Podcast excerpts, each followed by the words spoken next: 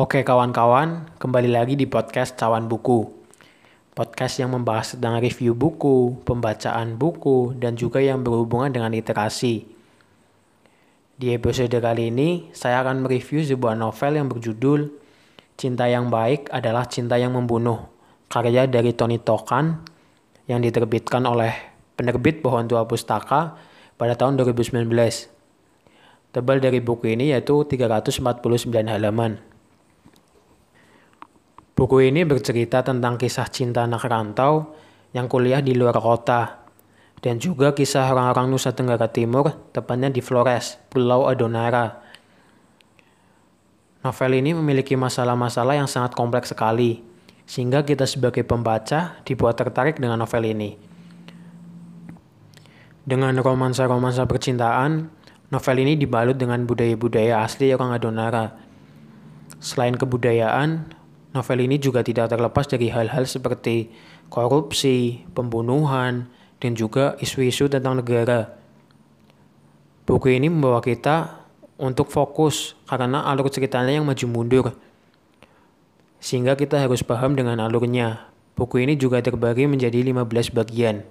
Buku ini diawali dengan pertemuan tokoh yang bernama Juan Melki dan Anna beserta teman-temannya di sebuah kafe. Juan Melki ini adalah seorang yang dingin jika bertemu seorang yang baru kenal. Latar belakang Juan Melki adalah seorang aktivis yang sering ikut demo sana-sini membela hak hak rakyat yang menurutnya harus dibela. Dia juga pernah masuk penjara karena dia dikira sebagai otak suatu gerakan demo. Lalu ada tokoh yang bernama Ana. Dia adalah seorang mahasiswa biasa yang hobi menulis. Sejak pertemuan itu, mereka saling penasaran dengan menanyakan satu sama lain kepada temannya yang bernama Mary. Singkat cerita, mereka akhirnya bertemu. Setelah kejadian pertemuan Juan Melki dan Ana, lalu di bagian selanjutnya, kita sebagai pembaca dibawa kepada kehidupan orang Adonara. Banyak konflik yang dimunculkan dalam desa tersebut dan juga banyak tokoh-tokoh bermunculan. Di desa ini sangat khas dengan kebudayaannya dan juga sangat lekat dengan kepercayaan yang berbau mistis.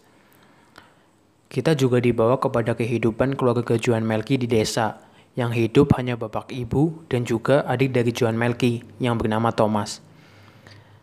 Lalu ada salah satu konflik di mana Thomas ini melakukan masalah dengan salah satu temannya di sekolah yang berbuntut panjang pada kedua orang tuanya dan menimbulkan geger satu desa. Dan singkat cerita, Thomas ini tidak bisa sekolah lagi. Jika ingin berlanjut sekolah, dia harus melanjutkan sekolah di luar desa tersebut. Lalu di suatu hari, bapak dari Juan Melki ini menemukan Thomas dalam keadaan sudah meninggal dan dia tidak tahu apa sebabnya. Sebelum kejadian itu memang sudah ada beberapa orang yang meninggal dan dalam keadaan aneh. Hal tersebut mulai dikaitkan dengan hal-hal yang berbau mistis.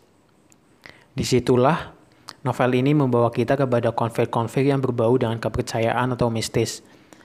Pembaca dibuat penasaran dengan konflik tersebut.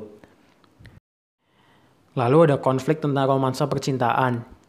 Novel ini menggambarkan betapa seorang lelaki yang jatuh hati ataupun jatuh cinta kepada perempuan akan mengejarnya dengan cara apa pun. Di sini juga memunculkan konflik cinta segitiga yang menurut saya di luar pikiran saya sebagai pembaca. Karena tokoh-tokoh ini melakukan hal yang di luar perkiraan. Betapa tokoh-tokoh ini membuat keputusan konyol karena cinta. Itulah mengapa judul ini diberi judul Cinta yang Baik adalah Cinta yang Membunuh. Lalu muncul tokoh yang bernama Rius Bejat, yang ternyata tokoh ini yang akan membawa kita ke dalam kisah percintaan antara Juan Melki dan Ana. Dan menurut saya, keputusan-keputusan yang diambil oleh tokoh-tokoh ini tidak akan disangka oleh pembacanya. Oke kawan-kawan, untuk selanjutnya kita masuk ke dalam review novel ini. Dimulai dari cover novel ini lumayan memberikan penasaran karena mengimplementasikan dari judulnya, yaitu cinta yang baik adalah cinta yang membunuh.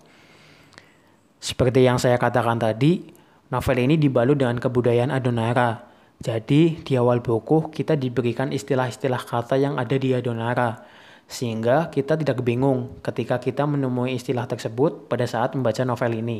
Lalu masuk ke dalam kelebihan dari buku ini, yang antara lain Novel ini dibalut dengan kebudayaan, kebiasaan, dan juga kisah percintaan yang sulit ditebak. Jadi membuat penasaran oleh pembacanya. Dan menurut saya kelebihan yang lain yaitu pemeran tokoh yang bernama John Melky dan Anna ini yang diperkenalkan di awal dan di pertengahan tidak terlalu mendominasi. Namun di akhir muncul dengan keadaan yang berbeda sehingga pembaca dibuat penasaran dengan kisah percintaan dua orang ini. Lalu kelebihan yang lain yaitu konflik yang dimunculkan di novel ini.